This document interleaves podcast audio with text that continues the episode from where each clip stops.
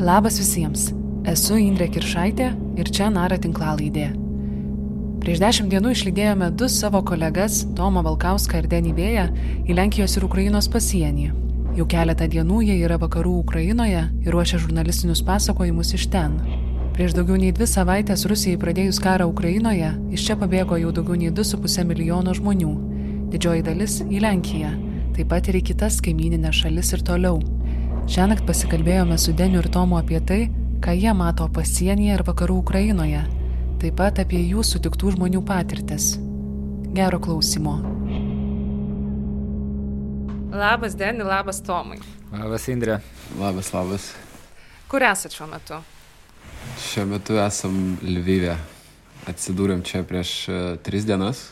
Jo, šiandien trečia diena, kai mes čia esam esam šiek tiek už Lvivo, 7 km čia gyvenam tokiam viešbutį, jau apsistojom keletą dienų. Savo kelionę pradėjot e, nuo Lenkijos ir Ukrainos pasienio, ten buvote keli, keliuose punktuose. Į Lenkiją didžioji dalis e, migrantų iš Ukrainos keliauja. Kokią situaciją matėte pasienį? Na, matėme didelius rautus žmonių. Iš tikrųjų, daugiausiai moterys ir vaikai arba jeigu vyrai, tai dažniausiai nesu, nesu ukrainiečių pilietybė. Čia dažniausiai būtų, kai nors ten armenai gyvenantis arba gruzinai gyvenantis Ukrainai, bet daugiausiai tiesiog srautas moterų ir vaikų nesus, nesustojamas. Iš tikrųjų, vat, net kai mes autobusiukė mėgojame ant sienos, tai ir toks net, net, net per miegą tu visą tą situaciją tarsi jauti ir girdi, nes e, visada tie patys lagaminų garsai, visada sirenos, švie... ne sirenos, gars, garso ten nebuvo, bet tiesiog ta mėlyna šviesa nuo sirenų, visada verkiantys vaikai ir atrodo, kad niekada nesustoja, kartais srautas būna mažesnis, kartais didesnis, bet praktiškai 24 valandas. Na, yra, iš tikrųjų, manau, kad labai neblogai suorganizuota buvo visa logistika ir visa, bet, bet būtent padėti, padėti šitiems žmonėms. E, nes neužsilaikydavo žmonės, atei, iš karto jos praktiškai pasiimdavo, veždavo kur reikia, veždavo ir Vokietiją, ir Norvegiją veždavo, ir Lietuvą veždavo, daugiausiai aišku į Lenkiją, bet e, taip sakant, non-stop, non-stop mes ten praleidom kokias šešias dienas tam pasienį ir tiesiog, e, jo, tiesiog non-stop. Jo, tikrai tas buvo visą laiką, kad buvo pastoviai daug žmonių. Kažkaip pradžioje mes pastebėdom, kad vakarais jų buvo daugiau, bet tom jau paskutiniam dienom tai atrodė, kad kažkaip pasikeitė situacija ir diena galėjo būti daugiau nei vakare arba apskritai būdavo mažiau žmonių. Ir dar ką, kas man įsiminė, tai kad mes matėm žmonės, kurie važiuoja į Ukrainą. Um, su tokiais keliavom iš Lietuvos ir vienas jų vyrų sakė, kad važiuoja pa šeimą į Ivano Frankovsko rajoną, e, esantį ten miestelį, e, bet sakė, kad sekančią dieną iš karto jisai karinį komisariatą ir eis e, kariauti. Tai ir tokių žmonių ten yra, kartais tiesiog stovėdavo vyrai, kurie laukdavo, kol važiuos autobusas į Ukrainos pusę, kad jie galėtų atsisėsti tą autobusą ir važiuoti į tėvynę. Dėl to, kad jų tiesiog nepraleisdavo pereiti pasienį pešiomis. Jo, ir iš tikrųjų ukrainiečiai išvažiavo iš vis, suvažiavo į visą pasaulį ginti savo šalies. Ten sutikom ir, ir visą jauną bahariuką, kuris metė studijas e, Kinijoje, atvažiavo. Sutikome ir tokio vyresnio biškiamžiaus iš Kongo atvažiavęs iš ekvatoriaus. Ten iš Europos tai ten jau net e, nereikia sakyti, ten pastoviai, pastoviai atvažiuoja ir, ir važiuoja ginti. Labai įsiminė, kad E, dažniausiai jie nenorėjo iš tikrųjų duoti jokio intervo arba jeigu, jeigu ir norėdavo pabendrauti, tai nu, neleisdavo savęs nufotografuoti. Ir visų priežastys e, ta pati praktiškai buvo. Sako, kad mano mama nežino, kad aš grįžtu kovoti. Kalbėjotės su žmonėmis pasienyje, e, iš kokių miestų ir su kokiamis patirtimis žmonės bėga? Mm, iš skirtingiausių miestų iš tiesų mes e, kalbėdavom su žmonėmis, e, buvo ir žmonių, kurie važiavo iš Harkivo, iš Černygovo, iš tų tokių karščiausių turbūt e, miestų, kur dabar yra nesaugiausia padėtis ir kurie per ten dvi savaitės karo yra visiškai vos nesulyginti su žeme. Um, šiaip iš tiesų labai iš skirtingų. Iš Kyjevo bendravom su žmonėm, Tai pagrindė tie, kas kerta sieną, kuri, kas išvažiuoja, tai žinoma, jie važiuoja iš toliau. Um, nes vis tiek tie, kas gyvena vakaruose Ukrainos, jie jaučiasi gan saugiai ir dar lieka savo namuose. Tai dėl to, mm, jo, žmonių tikrai iš įvairiausių miestų buvo. Ir iš tų tokių, iš Bučios e, kalbėjomės, iš Irpenio, e, Kyvo rajone, kur irgi yra labai dabar sunki situacija ir žmonės apskritai sunkiai gali išvykti iš tų miestų. Uh, ir dar prisimenu, kad šiaip buvo nemažai studentų um, užsieniečių.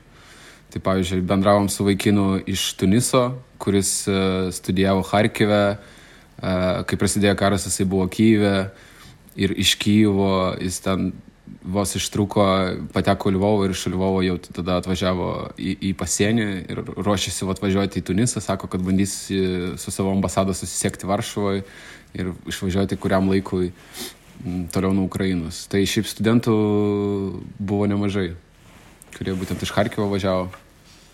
Nu, nežinau, bet jeigu, ta prasme, kiekviena istorija tikrai, aš įsivaizduoju žmogų, kuriam reikia tą išgyventi, tai čia yra tiesiog traumatinė patirtis ir kai kurie skirtingai iš tikrųjų žmonės su, to, su tom patirtim tvarkosi, kai kurie žmonės su nusiteikia labai kovingai ir nepraranda vilties ir ruošiasi sugrįžti į savo šalį, kai, ta prasme, kaip jie nori sugrįžti kuo greičiau, nori, žinoma, kad viskas, viskas pasibaigtų, bet nepraranda optimizmo iš tikrųjų, kiti žmonės vos tvardo emocijas ir e, jo visai, nežinau, visai, visai, visai daug sunkiau tvarkosi su ta visa situacija. Nežinau, man tai va, labiausiai gal taip nežinau, ar, ar, ar, ar įsiminė, bet tas, kas iki šiol liko galvoj, tai stovėjom prie laužo, nes ant daug laužų iš tikrųjų buvo, kur žmonės gali pasišildyti ir duoda šiltą maistą. Ir stovėjom prie laužo ir priejo moteris su vaiku, vaikas, nu nežinau, gal 5, 6, 7 metai.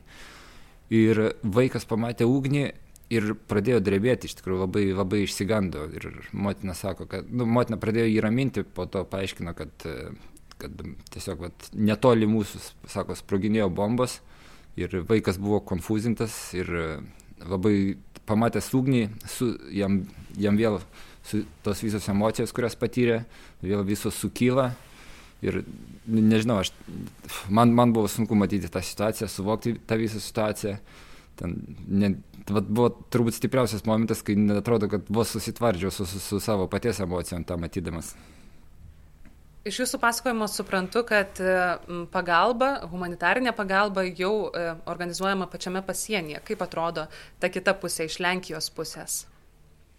Uh, tai visas tas miestelis, kuriame mes buvome, jisai buvo visiškai įrinktas savanorių ir savanorių įrinktas labai mm, kokybiškai, jeigu galime taip išsireikšti. Ten buvo Raudono kryžiaus uh, savanorių palapinės, buvo Karito savanorių palapinės, buvo ir uh, tiesiog žmonių e, vietinių Lenkų, pavyzdžiui, kurie atvažiuodavo, pavyzdžiui, mes buvom sutikę pirmą dieną tokius uh, pagyvenusius e, senolius, kurie atsitempė tokią bačką, kurie laikė sriubą ir tiesiog gamino žmonėm ir sakė, kad tą kartos atvažiuodami ten kasdien ir atvažiuodavo, visą laiką atsiveždavo tos karštos sriubos. Tai Uh, jo, pagalba iš tiesų suorganizuota yra labai uh, stipriai, žmonės susivienijo ir savanoriai susivienijo.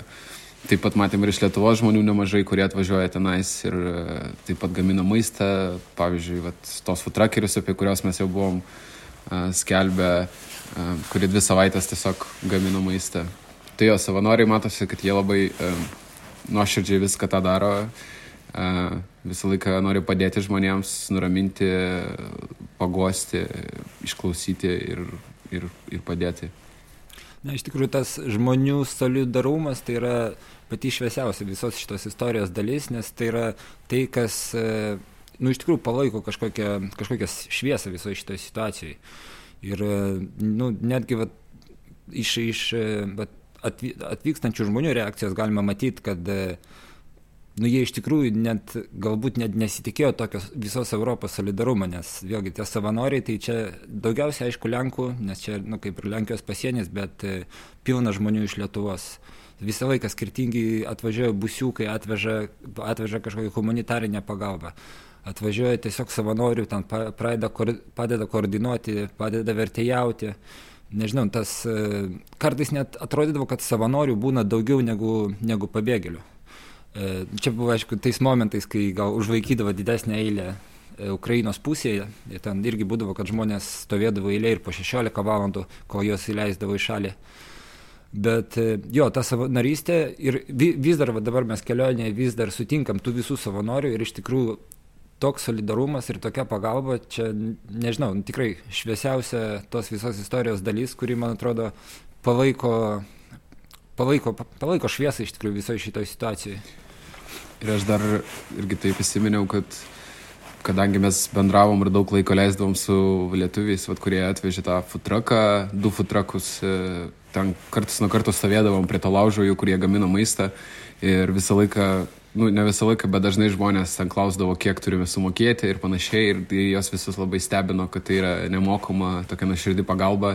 Ten prieidavo, spausdavo ranką, atvykę iš Ukrainos žmonės ir sakė, kad gerą, gerą labai darbą darot ir ačiū Jums už tai. Ir ten nuoširdžiai dėkodavo. Tai jo, tą labai, mm, nu, taip, matyti iš tiesų ir jautru, ir tuo pačiu tu džiaugiesi, kad žmonės taip reaguoja ir vertina į tą palaikymą savanorių.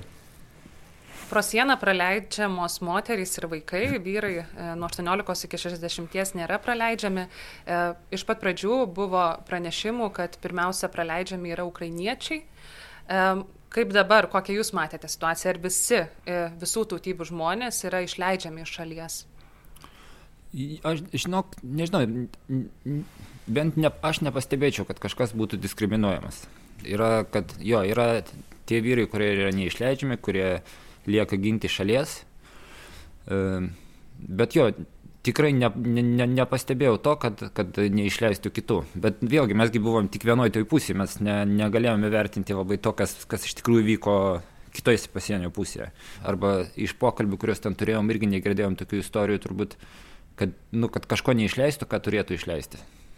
Jo, aš irgi sakyčiau, kad e, buvo tikrai skirtingų tautybių žmonių ir vėlgi pasikartosiu tie studentai iš Harkivo, jau apie juos tam esu skaitęs ir prieš tai, kai išvažinėjau, nu, mes išvažiavom į pasienį ir tikrai matėm uh, skirtingų tautybių žmonių, pavyzdžiui, Saifas iš Tuniso pasakojo, aš jau klausiau apie tai, ar kaip atrodo situacija, ar, pavyzdžiui, jūs kaip uh, ten tarptautinius studentus ar išleidžia be problemų, ar viskas vyksta taip pat kaip ir su ukrainiečiais, kurie čia važiuoja. Jis man pasakė tik apie tai, kad jie turi tiesiog kitas sąlygas, e, nu, ta prasme, įvažiavimo į Sąjungą, kad, tarkim, jie negali būti tiek e, čia 18 mėnesių, kiek gali būti ukrainiečiai. Jie, nu, man atrodo, berods turi kelias savaitės tik tais. E, ir, nu, bet jo atveju jisai turėjo leidimą gyventi Ukrainoje, nes studijavo čia penkis metus. Tai, mm. Bet šiaip iš esmės aš manau, kad ten tikrai buvo skirtingų labai žmonių. Yra dar kitas dalykas, kad yra prioritetai. Yra, tarsi, prioritetai ne, ne sienoje, bet vat, tose miestuose, kurie yra bombarduojami. Vat, šiandien irgi kalbėjome su viena moterim iš Harkovo, jau čia Lvyvė. Tai jinai pasakojo, kad kai vyko ta, tas masiškas bėgimas iš Harkovo, kai, ten, kai, kai jie visi sėdėjo stoti ir ten buvo žymiai daugiau žmonių, negu, negu stotys e, gali savie talpinti tai jo sako pra pradžiai žinoma buvo buvo išleidžiamos moterys ir vaikai kaip kaip prioritetas. Tai pirmi visi traukiniai važiavo pilni moterų ir vaikų ir tik po to pradėjo evakuoti iš charkovo vyrus ir ir įsivaizduoju turbūt ten nu nesvarbu jau gal kokia tautybė bet tiesiog kad e, iš tų karštų taškų iš pradžių išvežamos moterys ir vaikai. Jo, jinai minėjo tai, kad e, kai jau prasidėjo, nes vis tiek Harkive, kai jie uh, laukia evakuacijos, uh, tuo momentu ir prasidėjo bombardavimai. Tai jie, jie pasako, kad pavyzdžiui, stovint statyb kilo labai didelė panika dėl to, kad miestas buvo pastoviai bombarduojamas, e, karo pajėgos, policija bandė visą tą reikalą tvarkyti, kažkaip e, nuraminti tą minę žmonių ir panašiai. Tai žinoma, kai prasidėjo ten kraščiausia kažkokia fazė, tai tada jau tos uh, traukinius pradėjo pildyti kiek įmanoma daugiau žmonių, dėl to žmonės ten ir važiuoja parą laiko atsistoja, pasadindami vaikus ir patys ten kažkaip susispaudžia, bando davažiuoti į kažkokią saugesnį tašką. Išlydėjom jūs e, į Lenkijos ir Ukrainos pasienį, bet dabar esate Ukrainoje ir pirmiausia su humanitarinė pagalbą keliavote su humanitarnės pagalbos konvojumi, kaip atrodė ta pirma jūsų kelionė, kur keliavote ir jau vis tiek pradėjote, e, įžengėte į Ukrainos teritoriją ir kaip atrodė ta pati pradžia. Iš tiesų tas toks labai netikėtas buvo vykimas į Ukrainą. Mes tiesiog sutikom vėlgi mm, lietuvių, kuris atvyko į pasienį mm, ir jisai pasakė, kad jau lietuvių važiuoja humanitarinė pagalba, mes pasiprašėm, kad ar galime mes tam patekti. Ir jisai mums buvo pranešęs, kad mes važiuojam į Uman miestą, e, bet e, jau kelionės metu mes kai važiavom, tiesiog vadas tos, nu, tu prasme, organizatorius viso to vykimo kelionės, jisai pasakė, kad Tūma nėra tiesiog kažkokios infrastruktūros padaryti ir mes važiavom uh, į Ryvnio miestą, buvo, buvo taškas. Kokie įspūdžiai Ukrainos?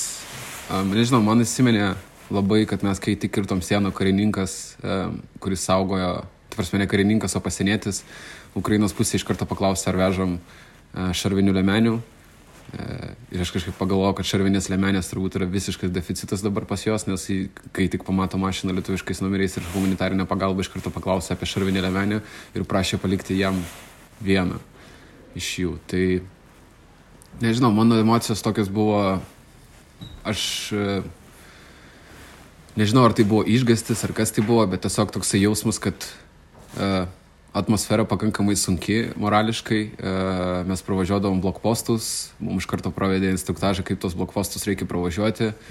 Ir tu kažkaip vis iki galo negali suprasti, ar tai iš tiesų vyksta, ar tai realu, nes tu privažiuoji prie kiekvieno blokposto, visur stovi kariškiai, e, ten pravažiuojant blokpostą reikia pakelti, pakelti rankas keliaivių ant panelės, vairuotojas turi laikyti dvi rankas už vairo, e, jų negalima fotografuoti Tai va tokie dalykai, žinoma, jie tau pasako apie karą, aš visą laiką žiūrėdavau, kažkaip stebėdavau aplinką, įsivaizdavau, kad čia gali kažkas vykti ir mes esam šitoje šalyje ir toksai buvo savotiškas, vėlgi negaliu pavadinti tai išgaščiu, tiesiog tai buvo kažkoks, gal aš buvau nustebęs, kad tai iš tiesų uh, vyksta, nes tu matai tą, tą, tą iš arčiau.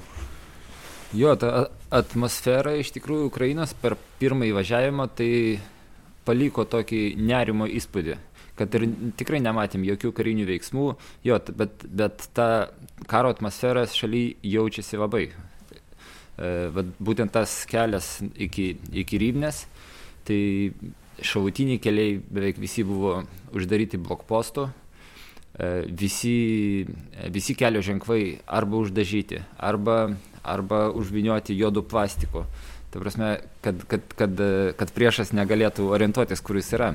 Netgi, netgi Google Mapsai, pavyzdžiui, rodo maždaug, kurioje tu šalies vietoje esi, parodyti kai kurie pagrindiniai keliai, bet nei vieno miesto pavadinimo, nieko, tu iš tikrųjų tu suvoki, kad, kad patinki tarsi į, į visai kitą realybę. Jo, ir mane dar nustebino tikrai, kad ta tokia organizacija, vėlgi mes važiavom, tai buvo dešimta gal karo diena, galbūt net devinta, aš tiksliai nepamenu iš tiesų, bet tas toksai, ta visa kontrolės organizacija, tai kaip e, kariškiai tvarkosi su blokpostais, koks yra įsitraukimas žmonių. Um, tikrai stebėjome, kad tai buvo ne vien kariškiai, buvo ir daug civilių, kurie tiesiog e, stebi aplinką, kad visi yra labai uh, tokie įkyrūs, jie abejoja žmonėmis, jie daug tikrina ir, ir tokie dalykai man jo labai įsiminė. Kokią humanitarinę pagalbą tada nuvežėt ir, ir kaip atrodė ta vieta, į kurią nuvežėt ir ko trūko joje? E, tai iš esmės vežėme, važiavom gan dideliu konvojum, 14 automobilių, iš kurių 8 buvo palikti, e, palikti Ukrainos armijai, nes vežėm kariškiams. Tarsime, ir visi 14 automobilių buvo iki viršaus prikrauti visko, nuo, taip sakant, nuo, nuo, nuo pampersų iki šunų maisto, e, iki, iki, iki, iki tų šar, šarvuotų lemenių, šalmų. Ta prasme, pilna, pilnas diapazonas, ko, ko, ko gali prireikti. Aš ne, dabar neatsimenu, ar buvo ten medikamentai, bet iš esmės pilnai prikrautos 14 mašinų. Ta prasme, netgi kai kur, netgi keliaivių sėdinės, iki viršaus pri, prikrauti visko. Um, tai va, tai ir, jo, ir irgi atvažiavom iš pradžių į tą, e, į, tą į, į, į miestą tą ir e, sustojo, visas konvojus sustojo. Iš pradžių atvažiavo policija patikrinti, ar mes tikrai esame tie, kas esame. E, vėliau atėjo miestelio meras pasisveikinti, padėkoti. Ir tik tuomet atvažiavo kariškis ir palydėjo mus iki, iki, iki vietinės mokyklos, kuri, iš, kuri buvo perdaryta į slėptuvę. Tai irgi tokia savotiška atmosfera, tu esi mokykloje, tu esi vaikų erdvėjai, kur visi langai apklijuoti juodų plastiko, visi langai užbarikaduoti smėlio maišais. E, jo, kariškiai iš tikrųjų buvo labai, labai laimingi, ten, bet, ten, nežinau, vienas net ten jis turbūt buvo ne kariškis, aš įsivaizduoju, gal jis net buvo gal mokyklos darbuotojas, bet vyras net apsiverkė, atėjo, apsikabino visus, jiems sako ačiū, ačiū, ačiū. Tai bet, nu, kažkaip taip. Jo, ir ką, dar ką mes vežėm, tai iš tiesų jo, tai buvo šarvinės tos lemenės, ten buvo dar kažkoks e, tokie padaryti iš metalo, e, nežinau kaip juos pavadinti, ežiai, e, kad galima būtų numesti ant kelio, jeigu priešo technika važiuotų, jie nu, pramuštų jiems ratus, padangas. Ir jautėsi, kad šitų dalykų kariškiams reikėjo labiausiai, nes ten buvo toksai vienas iš kariškių, jisai, kai pamatė, kad atvežė lemenės, jisai iš karto pribėgo prie kažkokio ten aukštesnio rango, galbūt savo kolegos ir taip labai susijaudinęs pasakė, kad čia mes vežam lemenės, kad čia, nu, kad kur jas reikia dėti ir galiausiai jas ten visur buvo visiškai kitą pusę padėtos.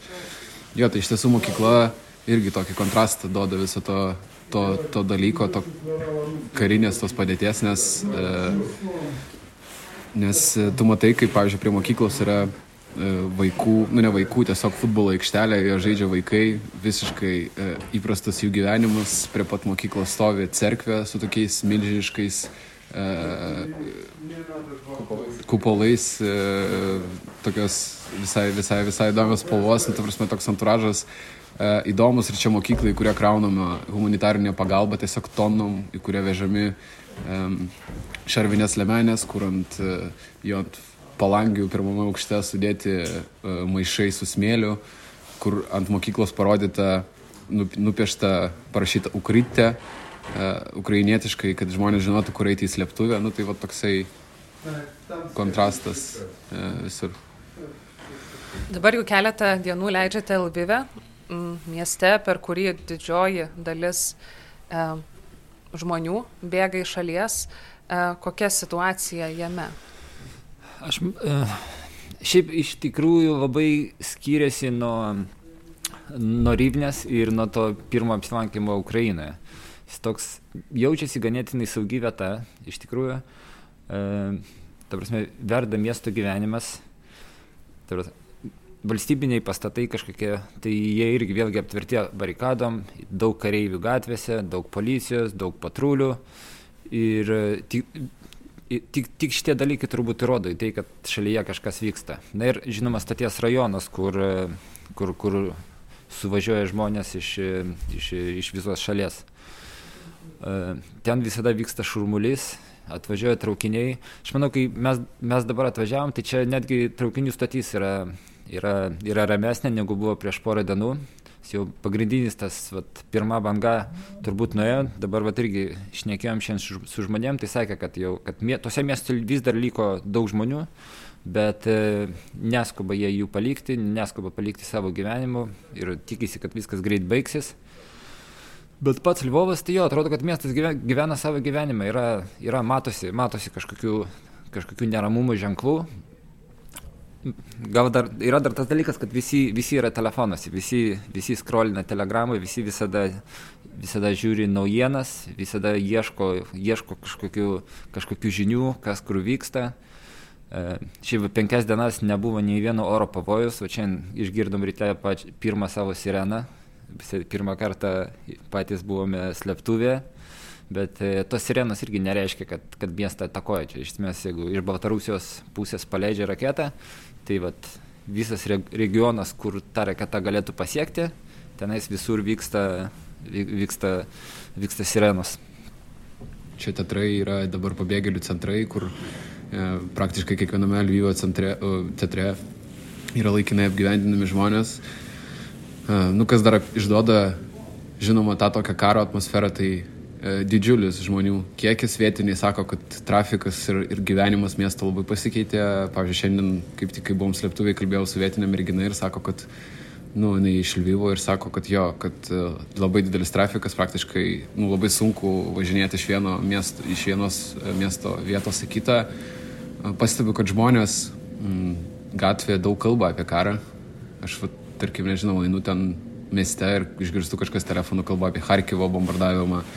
E, va, tokie dalykai, daug žinoma, policijos, mm, kareivių. Pavyzdžiui, šiandien buvo situacija, kas irgi labai apibūdina dabar Ukrainos turbūt e, tokią padėtį. Mes buvom su Deniu, ieškojom vieno teatro ir e, žemėlapis mus kaip ir atvedė į tą tašką, bet teatras buvo, kiek mes supratom, uždarytas. Prie kažkokia mačiutė vietinė ir pradėjo mūsų kalbint, ką jūs čia darot, ko jūs čia ieškot, bet taip, ta prasme, tiesiog paklausė, ko jūs norit, ką jūs norit surasti, mes sakom, ieškom teatro uh, ir jinai tokia, kas jūs tokie. Ir mes pasakom, kad žurnalistai, kad norim pabendrauti su žmonėmis, kurie atvyko iš, iš, iš kitų miestų čia. Jis sako, jo, aš mačiau, čia vakar buvo daug autobusų, buvo daug žmonių, visur degė šviesa, čia jo tikrai žmonės yra apgyvendinami. Bet po to sako, jeigu jūs dabar čia, jeigu jis uždarytas, tai čia tikrai nieko nėra. Ir tokia vienu momentu tiesiog sako, galiu aš pažiūrėti jūsų dokumentus. Ir mes įrodom savo akreditacijas dokumentus, pasakojom, kad esame iš Vilniaus ir galiausiai kaip su ja ir pabendraujam, jinai pasako, kad eina iš cerkvės dabar, e, mes su Deniu paklausim, gal čia yra dar kažkokia cerkvė, kur, kur mes galim užeiti. Jis man pasakė, kad čia už kampo ir galiausiai mes užėjome tą cerkvę, po penkių minučių prie Denio prieina policininkai ir paklausė jo, jo dokumentų, e, nes mačiutė, nu, paprašė, kad pagalvoja, kad mes esame įtartini ir, ir e, dėl to patikrino dokumentus Denio, tai toks irgi E, visai apibūdinantis ukrainiečius dabar dalykas. Tai tos patikros tokios nuolatinės, tiek, kaip suprantu, jums važiuojant buvo, tiek ir mieste, tai kažkoks toks įtarumas. Nu, mieste nelabai, kad ir kiek čia būtų policijos, čia, taip sakant, ir daug labai yra ir žurnalistų, vėlgi iš viso pasaulio suvažiavę. Tai prie to, man atrodo, jie priprato, kad, kad kad daug, e, daug dėmesio dabar yra labai skiriama vat, iš žiniasklaidos pusės. Tai iš tikrųjų per, vis, per tris dienas du kartus prie mūsų buvo prie paprašyti dokumentų, vieną kartą prie Tomo ir vieną kartą prie manęs. Tai va aš, nu, ne, pagal tai, kiek čia yra policijos ir, ir patrulių, tai aš manau, kad kad, kad e, nu, ne, prasme, netrodom gal mes per daug įtartini. Jo, mes gal netrodo, bet čia, pavyzdžiui, blokpostus pravažiuojant tam tikrų laikų, vėlgi mes, kadangi šiek tiek už miestą esam, tai vat, pravažiuojant blokpostus, e, ten gali visai pasiklausti, paprašyti dokumentų, e, pavyzdžiui, paklausti ten vat, mūsų vaikinas, kuris mus važiuoja, Julius čia irgi toksai, su kuriuo susipažinom iš, iš Lietuvos, jo ten klausdavo kariškiai, kodėl tu taip dažnai čia važinėjai, kur veži kūrą, nu, ta prasme, užduoda visokius klausimus, bando tiesiog įtartinai vertina visą situaciją nu, tokios frazės būna e, kartais, kai, vat, pavyzdžiui, mane tikrino stoty, kad prie manęs tiesiog kariškis prie ir sako, ką jūs čia įrašinėjate, ar jūs žinot, koks laikas šalyje, kas čia apskritai vyksta. Nu, toks gan buvo, nu, ne tik, kad agresyvus, bet uh, tiesiog susirūpinęs ir, ir panašiai. Tai, vat, pažiūrėjau visus mano dokumentus, patikrinu ir tada palinkėjau. Šiaip tada, kai patikrinu dokumentus, mato, mato kad žurnalistai iš Lietuvos labai, labai draugiški tampa, tiesiog atsisveikina, linki sėkmės ir tiek. Bet lankėtės teatre, kaip atrodo e, situacija, e, kiek teko skaityti, e, teatruose žmonės gali praleisti 10 dienų, tai yra tik laikino prieglopščio vieta. Ką matėt? Tai aš vat, pacituosiu čia Gediminę, kuris čia mums labai iš tikrųjų šiaip priėmė čia mus ir labai padeda. Jis, mum, jis ir nuvežė mus į pirmą teatrą. E, tai, tai iš tikrųjų vis, visos šalies teatrai dabar e, priema pabėgėlius ir kiekvienam teatre vyksta spektaklis pavadinimu karas.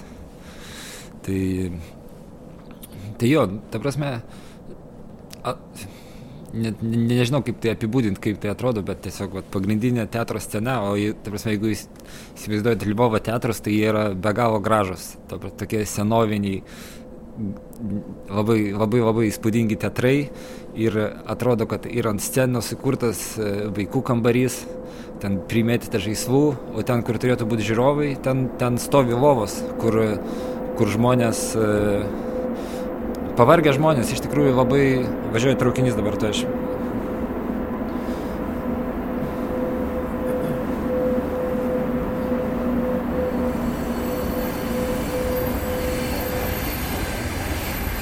čia netoli tiesiog bėgiai yra, tai tai pravažiuoja. Į, į, į Lvovą stotį turbūt važiuoja, arba iš jos.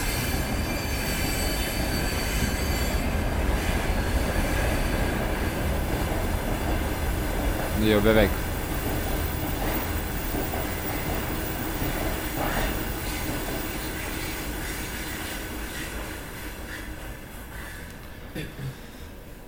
Nu tai va, tai teatrai yra toks surrealistinis iš tikrųjų vaizdas, kai, kai, kai, kai tokiam gražiam kultūriniam pastate, kaip Lvovo teatrai yra, yra iš tikrųjų nerealaus grožio. Ir bet scena, scenoje buvo įkurtas vaikų kambarys su daug žaislų, tokia kaip dvigulė lova, primėtyta čiūžinių. O ten, kur turėtų būti žiūrovai, ten tiesiog sustatytos lovos ratu. Ir nežinau, lovose guli pavargę žmonės su telefonais, vėlgi žiūri naujienas. E, daugelis iš tų žmonių buvo neseniai atvykę, tai labai jautėsi tas, kad jie vis dar išgyvena turbūt tą kelionę, kuri, kurią, kurią jie patyrė važiuodami čia. Ir jo, iš tikrųjų teatre ne, ne, irgi nedaug ne kas norėjo bendrauti, tas irgi visiškai suprantama, nes nu, žmonės yra tiesiog pavargę ant tos visos situacijos ir e, patys aktoriai dirba savanoriais. E, jo, man tas dar toks teatralų savanoriavimas e, irgi įsiminė, kad tokie teatro žmonės, e, matosi, kad jie irgi labai nuoširdžiai viską tą daro. Mm. Tai jo, pavyzdžiui, buvom kaip pirmam teatre, mm, jis vadinasi Lėsio Burkaso, jeigu aš neklystu, Lėsio Burkaso. Tai ten tiesiog skirtingose erdvėse, nu pagrindė yra to erdvėje, kur, kur Denis pasako, kur yra scena, apgyvendinami žmonės, o visur aplinkų guli daug drabužių, daiktų, pavyzdžiui, eini laiptis ir va, taip prie sienos sudėti drabužiai. Man atrodo, kad, man taip asmeniškai atrodo, kad teatre tokias buvo vienas sunkiausių istorijų, kurias mes girdėjome žmonių, nes e, jo, tokia labai savotiška surrealistinė aplinka ir tos istorijos, kur tu girdi kaip žmogus e, vakar atvažiavo iš ten po Kyjivo esančio, prie Kyjivo esančio miestelio arba iš Harkivo ir jie pasakoja apie tai, kaip, pavyzdžiui, moteris vakar man sakė, kad 24 valandas irgi važiavo atsistojus ir m, tokia nežinomybė galbūt man labai įsiminė žmonių, pavyzdžiui, kur vakar mes buvom teatre, tai kalbino moterį ir jinai sako su trim vaikais, prie Kyjivo esančiam miestelį gyveno ten 10 dienų, bombardavimų po 8 valandas leisdavo savo Rusiją ir sako, sako, tai koks jūsų dabartinis yra planas, ką jūs galvojate veikti, daryti. Ir sako, nu man čia savanoriai teatre pasakė, kad va čia galbūt šiandien vakare važiuos mikroautobusiukas į Vokietiją, tai galbūt važiuosiu su juo. Ir ta prasme mes kalbame su ja antrą valandą dienos, o jinai sako, tai man kažkur sakė apie šeštą jis turėtų būti, bet nežinau, jeigu pavyks, tai įsėsiu į tą mikroautobusiuką, tai toksai, o kas toliau klausimas ir jinai visiškai, ir jinai pati nežino, kas toliau. Ir e, tokia labai didelė nežinomybė. Ta, tas pats kalbėjau iš Harkivo atvykusi pora, su, tiesiog su šuniuku savo ir su, su vyru atvyko ir irgi moteris tiesiog man sako, kad uh, čia mums leidžia būti tik 10 dienų. Bet šiaip aš labai norėčiau čia, čia pasilikti, nes irgi jinai visą, visą karą praleido slėptuvėse, jos miestą bombardavo Ir sako, labai norėčiau čia pasilikti ilgiau, nes šiaip kito plano tai neturiu. E, galvoja, galbūt mes tam įsinuomosim kažkokį čia būtą, bet čia Liuvyje dabar labai pakilo kainos ir panašiai. Tai va toksai irgi, kur žmonės nelabai, nelabai žino, kas su jais bus, ką jie darys. Ir nežinau, šiandien buvom teatre, pavyzdžiui, prakalbėjom su moterim, beveik dvi valandas turbūt pokalbis buvo su ją truko. Ir toks, kur net nepastebėjom, kaip tas laikas turbūt praėjo. Ir galiausiai tu išeini ir jauti, nežinau, tokį ir sunkumą ir galbūt kažkur džiaugsmą dėl to, kad jai pavyko pasikalbėti taip, kaip jinai norėjo pasikalbėti, ilgai išsipasakoti apie tai, kas su ją vyko, kaip jos gyvenimas pasikeitė. Kažkokiu irgi tokiu patriotiniu labai daug uh, nuotaikų, tarkim, kad jinai ten visiškai atsisako išvažiuoti iš Ukrainos ir sako, aš jo galiu ten apsigyventi vakarų Ukrainoje, bet iš šalies aš tikrai neišvažiuosiu. Bet kaip suprantu, nemažai yra tų žmonių, kurie nežino, kur važiuos, nes bent jau žvelgiant e, į tuos žmonės, kurie į Lietuvą e, atvažiuoja ir kiek teko bendrauti su žmonėm priglaudus, priglaudusiais juos, tai dažnai atvažiuoja pas savo pažįstamus, pas savo artimuosius, bet yra dalis žmonių, kurie neturi kitose šalyse, kitose Europos šalyse, žmonių, pas kuriuos galėtų atkeliauti, apsigyventi. Tai man atrodo, kad iš tikrųjų netgi dauguma žmonių, kurie neturi pas ką apsigyventi, e, tai jie, tai jie pasirenka nepalikti savo šalies. Tai aš irgi per, per skirtingus pokalbius irgi pajutau tą, kad labai daug žmonių kartoja, kad mes nesame bėgliai, mes esame laikinai perkelti. Mes esame laikinai perkelti ir arba laikinai perkelti, jeigu važiuoju į kitą šalį, bet ir va, tikrai, va, kaip ir Tomas sakė, labai daug patriotiškų žmonių, kurie atsisako palikti savo šalį, kurie nenori važiuoti kažkur kitur, pradėti kažkokį kitą gyvenimą, jie net labiau pasiruošę likti čia ir kovoti, negu, ne, negu ją palikti. Tai va irgi toks stiprus momentas, kuris per labai daug pokalbių paliko įspūdį ir prasijūtė labai stipriai. Ir jo tas pastebėjimas tavo, kad, pavyzdžiui, žmonės e, važiuoja, nu, pavyzdžiui, su tais, su kuriuo tu bendravai, kad jie e, tiesiog į Lietuvą važiavo, tai tai pagrindė vyksta, kiek aš supratau iš žmonių, su kuriais mes čia bendravom. Pavyzdžiui, mes čia susipažinom su vaikinais, nu, ne su vaikinais, su vyrais, gan jaunais, kurie karui prasidėjęs iš karto išvežė savo žmonas, vaikus pavyzdžiui, tą, nu, į Vilnių, vat, mums vienas vaikinas pasakojo, su kuriuo čia neseniai susipažinom. Ir irgi tik dėl to, kad jis turi ten pažįstamų, irgi tik dėl to, kad jisai turi pas ką palikti tos žmonės. Pavyzdžiui, kitas vyras pasakojo, kad nuvežė savo uh, žmoną su vaikais į Vokietiją dėl to, kad ten yra giminių. Ir vat, tas dalykas, kad uh, turbūt tie žmonės, kai suprato, kad jie turi kur važiuoti, jie iš karto ir važiavo E, vis, viskam prasidėjęs. O tie, kurie dabar laukia, nu, ta prasme, nelaukia, kurie dabar lieka vis dar Ukrainoje, jie turbūt neturi tiesiog tokios galimybės. Ir aš manau, kad tokių tikrai dauguma, tie, tie skaičiai, kurie dabar kerta sieną ir išvažiuoja Europą, žinoma, yra ir žmonių, kurie irgi visiškai nežinomybę išvažiuoja ir ten nežino, kaip jų atrodys gyvenimas, bet manau, e, tie, kas išvažiavo, e, tie, kas turėjo galimybę pas kažką apsistoti, pas savo giminės arba, arba draugus, tai jie, vat, ir, nu, ir išvažiavo turbūt anksčiausiai. Pavyzdžiui, mes šiandien kalbėjom su uh, moterim iš Harkivo, jinai sako, kad pas ją Harkivo dar liko labai daug žmonių. Jis mums sako, jūs kaip savo įsivaizduojat, kaip iš Harkivo gali išvažiuoti ta milž, didžiulė masė, didžioji dauguma žmonių, kurie ten gyvena, kai Harkivas yra antras miestas pagal uh, žmonių skaičių Ukrainoje. Jis yra milijoninis miestas, kuriame gyvena labai daug žmonių ir tai neįmanoma tiesiog suorganizuoti. Uh, Nes mums atrodo labai keista, kaip žmonės gali ten likti, kai vieni pasakoja, kad išgyvena visišką pragarą, o kiti lieka ten ir galvoja, kad kažkaip gal nusiramins viskas. Tai jo, manau, kad tokių, kurie nu, neturi alternatyvos galbūt kažkokios, yra labai daug ir, ir jų daugiausiai. Ir svarbu dar tai, kad yra miestų, iš kurių žmonės negali pabėgti. Nėra nutiesti humanitariniai koridoriai, ar tai kalbėtume apie Mariupolį, ar Černichivą, ar Kersoną, ar, ar, ar kitus miestus. Jo, ir net, man atrodo, ne visi žmonės pasitikė tais humanitariniais koridoriais. Tarsi, ne tai, kad nepasitikė koridoriais, bet jie vėlgi ne, ne, ne, jie iki galo nėra saugus, kad tas koridorius yra atidarytas. Buvo ne vienas atvejis, kai kai buvo paskelbtas e, žalias koridorius, bet, bet tas koridorius buvo ir atakuojamas. Tai irgi toks labai stiprus momentas, kad tas, tai, kad yra koridorius, jis dar jis neduoda tau tų garantijų, kokių tu norėtum iš tikrųjų iš to koridoriaus. Ir jo, kai kurie miestai yra visiškai apsupti ir yra tiesiog žvėriškai bombarduojami. Ir jo žmonės tiesiog negali, negali iš ten išvažiuoti. Ir maža to, kad jie negali ten išvažiuoti, bet netgi gyvenimas viduje, neskaitant to bombard, bombardiravimo, jau yra tampa neįmanomas vien dėl to, kad e, yra naikinama visa infrastruktūra. Žmonės lieka toj karo zonoje, be vandens, be elektros, be, be dujų, be šilumos, daugiausiai laiko leidžia, leidžia rusyse. Bet irgi šiandien, ta moteris šiandien irgi pasakojo, klausėm jos, bet Bet, pavyzdžiui, kaip, ar kažkas funkcionuoja, ar žmonės gali iš kur nors gauti maisto. Tai sako, o mes nenorim maisto, sako, čia yra, to, yra to, tokia situacija, kad uh, tu net negalvoji apie maistą, tu, tu nesi tiesiog fiziškai, tu nesi alkanas, nes tu esi sotus karo. Ir irgi čia buvo tie žodžiai, kurie labai, labai giliai lindo, kad uh, kad mum, nu, tarsi, mum ramiai gyvenant, tai jo, tai pas mus yra, norisi pavalgyti, norisi atsigerti, bet žmonės yra tokioje situacijoje, kur jiems ne, net nesinori valgyti ir gerti.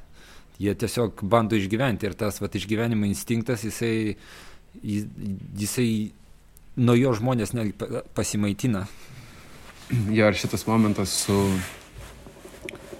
trūkumų, tų būtiniausių dalykų, man jis irgi labai įstrigo, nes, vat, kai mes kalbėjom su šitą moterim, ir jinai sako, kad, nu, pas mus dujas, dujos ten dingo jau gal trečią dieną karo.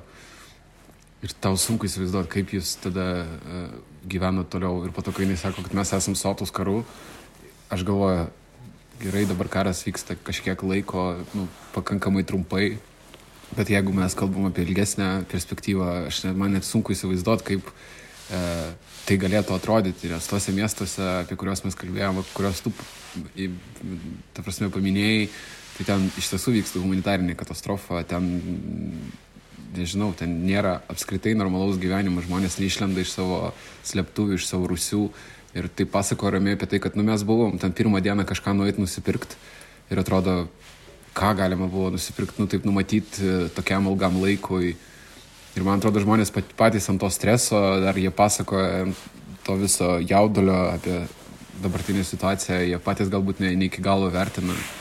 Mm, nes labai ramiai apie tai sako, visiškai ramiai. Man atrodo, kad jie tiesiog yra be galo laimingi, kad jie yra saug, saug, saugioje dabar aplinkoje, kur jie gali tiesiog uh, negirdėti bombardavimo į savo namus ir dėl to taip su, kažko, su kažkokiu paprastumu apie tai kalba. Bet pavyzdžiui, vėlgi, kai mes kalbam apie Mariupolį, mes bendravom su pora e, vaikinų ir mergina ir mergina aštuonias dienas negali susisiekti su savo tėvais Mariupolį. Aštuonias dienas. Ir e, kai jinai tik apie tai prakalba, jinai iš karto pradeda verkti, nors iš tiesų jinai, kai mes kalbame apie kitas temas, jinai yra gan rami, netgi šypsosi, juokiasi ir, ir tokia visai, nežinau, kovingos nuotaikos. O kai kalbam apie tai, kad jos tėvai Mariupolį, kur jinai tik gali skaityti naujienas, kas vyksta, bet negali girdėti jų balsų, negali žinoti, kas su jais iš tiesų. E, nu, tai labai kažkaip sunkiai išgyvenama, nežinau. Jo, ir vėlgi, ta prasme, vat, kaip pirmas tas mūsų etapas buvo prie sienos, tai dabar žvelgiant atgal, tai vis dėlto ten jau buvo toks pirmas, tarsi toks reliefas, jau pirma vieta, kur žmonės galėjo jau kažkiek atsipūsti Livove yra aštriau iš tikrųjų. Yra, vat, jo, toj, toj bendroji miesto atmosferai, tu, tu, tu nenejauti gal to aštrumo, bet bendraujant su žmonėm, ypač tiems, kurie vat, tik atvyksta iš kažkur, tai, tai emocijos yra daug, daug stipresnės ir e, daug sunkesnės iš tikrųjų. Tai dalykai, kuriais, kurie, jie, jie ką, tik, ką tik iš ten atvažiavo, jie, jie irgi visai kitaip apie tai, apie tai pasakoja ir visai kitaip uh, net, net pats tu visai kitaip atrodo už, užjautyta ir kažkaip tą, tą nerimą perėmė. Kokios matot, kad labiausiai trūksta humanitarinės pagalbos e, ir, ir kokia yra suteikiama apskritai? Tai iš tikrųjų, nu, ką, ką, ką mes matom daugiausiai, tai žmonės aukoja drabužius ir pampersus. Bet vat, e, ko tikrai trūksta, tai trūksta visureigių visureigių automobilių, pat, tų patrulių. Trūksta, vat, dabar labai trūksta greitos pagalbos automobilių. Iš tikrųjų, vat, e, netgi jeigu yra tokių klausytojų, kurie gali su to padėti, tai vat, galit Gediminai Vanauską su, su, susirasti ir su juo susisiekti. E, trūksta, trūksta šarvuotų lemenių, labai trūksta. Trūksta šalmų, netgi va čia vat, esu skirtingose žurnalistų grupsuose Facebook'e, netgi žurnalistams trūksta lėmenių ir šarvų. Visi ieško, kur nusipirkti, kur, kur gauti, nes nu, čia yra karo, zon, karo zona, galbūt nelibovė, bet e, ta prasme, čia yra tie dalykai, kurie gali gelbėti gyvybės. Jau, ir to da, dabar, šiam momentui to reikia daug labiau negu, negu drabužių ir, ir pampersų. Jo, ir žinoma, reikia medikamentų medicininių visokių dalykų, kurie kare, kare galėjo prireikti, tai bintų, visokių tvaršių, visokių tokių dalykų. Net aš, pavyzdžiui, buvau užėjęs Lvivą, Lvivę į vaistinę, man tiesiog reikėjo nusipirkti lašų. Ir kažkaip aš pastebėjau, kad net vaistinėse per mažai uh, yra visokių medikamentų. Ta prasme, tu matai, kad lentynos yra praktiškai tuščios. Kažkokie yra dalykai, kurie nėra labai ten reikalingi kare, jų galbūt yra daug, bet iš esmės tu supranti, kad tai nu, ne, ne, vai, ne vaistinė, prie kurios tu esi pripratęs, kur tu gali įsirinkti savo e, būtiniausių dalykų. Tai turbūt jo medikamentai ir tokie visi kariniai dalykai, pavyzdžiui, šarvinės lemenės, labai žmonės čia, žmonėms reikalingi kopteriai, naktinės, naktinio matymo įranga, visokie tokie dalykai ir šiaip iš esmės pastebiu, kad aš tai iš tiesų vis dar negaliu patikėti ir suprasti viso to humanitarinės pagalbos, mm, nu, to, to tokio masto, kur, kuris keliauja, net tarkim, iš Lietuvos ir kad žmonės tai yra savo jėgom viską daro, kad renka patys pinigus tam, kad kažkaip stabdo darbus ir tą daro. Atrodo, kad tai jau yra jų visas gyvenimas, nors tai nėra, ne, ne, nepraėjo dar tiek daug laiko, kad viską pastatyti ir infrastruktūrą, logistiką ir, ir susiorganizuoti tiek ryšių ir panašiai. Tai, tai tikrai labai stebina. Kokie artimiausi jūsų planai? Na, sunku išvažiuoti, taip sakant, atrodo, nepabaigus darbo. Mes irgi turim, turim reikalus, kur, į kuriuos reikia sugrįžti, turim, turim ką daryti ir Lietuvoje. E, tu, norėjom grįžti ir anksčiau. Ta prasme, pati žinai, važiavom, galvojom, praleisim tris dienas pasienyje, dabar jau turbūt mes Šiandien, kokia šiandiena, nes tos dienos tai šiandien penktadienis, ne? Ai, nu, vir, virš savaitės jau. Atro, atrodo, tai tikrai ne virš savaitės, jau atrodo, kad mes čia esame visą amžinybę. E, tai kol kas planuojam turbūt kitos savaitės pradžioj pargrįžti. Dar norėtume nuvažiuoti dar su nors vienu humanitariniu konvojumi. Gal parvežti iš kažkur žmonių padėti. Arba tiesiog nuvežti humanitarinę pagalbą. Tai yra tokie gan abstraktus planai, nes planuotis yra sunku. Daug, daug ką planavom, bet čia vėlgi tokia situacija, kuri keičiasi, greit, keičiasi labai greitai ir čia labiau, labiau gaunasi veikti pagal situaciją, negu, negu suplanuoti ir, ir vykdyti tą planą. Nes, ja, nes visada ir, ir naujienos skiriasi, keičiasi labai greitai. Tai toks dalykas, kaip planuoti čia jau supratom labai greitai, kad planuoti čia yra sunku. Yra veikimas pagal situaciją. Turbūt taip. Jo, šita mūsų išvyka į pasienį tiesiog parodė, kad uh, viskas, kas vyko toliau, vyko labai spontaniškai, tai dėl to tie planai jo, jie tiesiog nepasiteisino mūsų pradiniai. Jo, aš manau, kad kaip ir Denis sakė, mes planuotum savaitės pradžioje uh, grįžti į Lietuvą. Iš esmės vėlgi planų uh, čia daug dar priklauso nuo dalykų, pavyzdžiui, vėlgi nuo naujienų srauto, kas vyksta, gal čia rytoj kažkas atsitiks tokio, kad nu, mes tiesiog fiziškai ir negalėsim čia, čia likti, tai sunku planuoti. Ačiū Jums. Saugiai būkit ir, ir saugiai grįžkit. Ačiū tau. Ačiū tau.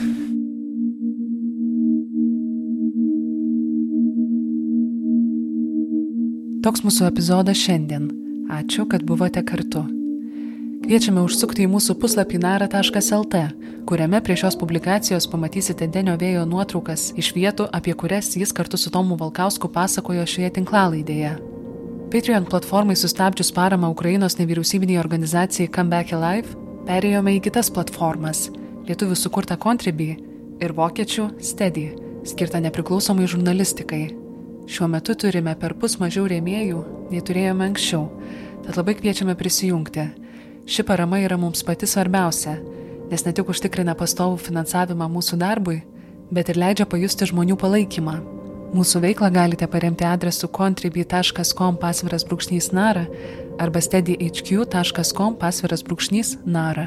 Epizodo muzikos autorius yra Martinas Gailius. Įrengiau ir redagavau aš, Indrė Kiršaitė.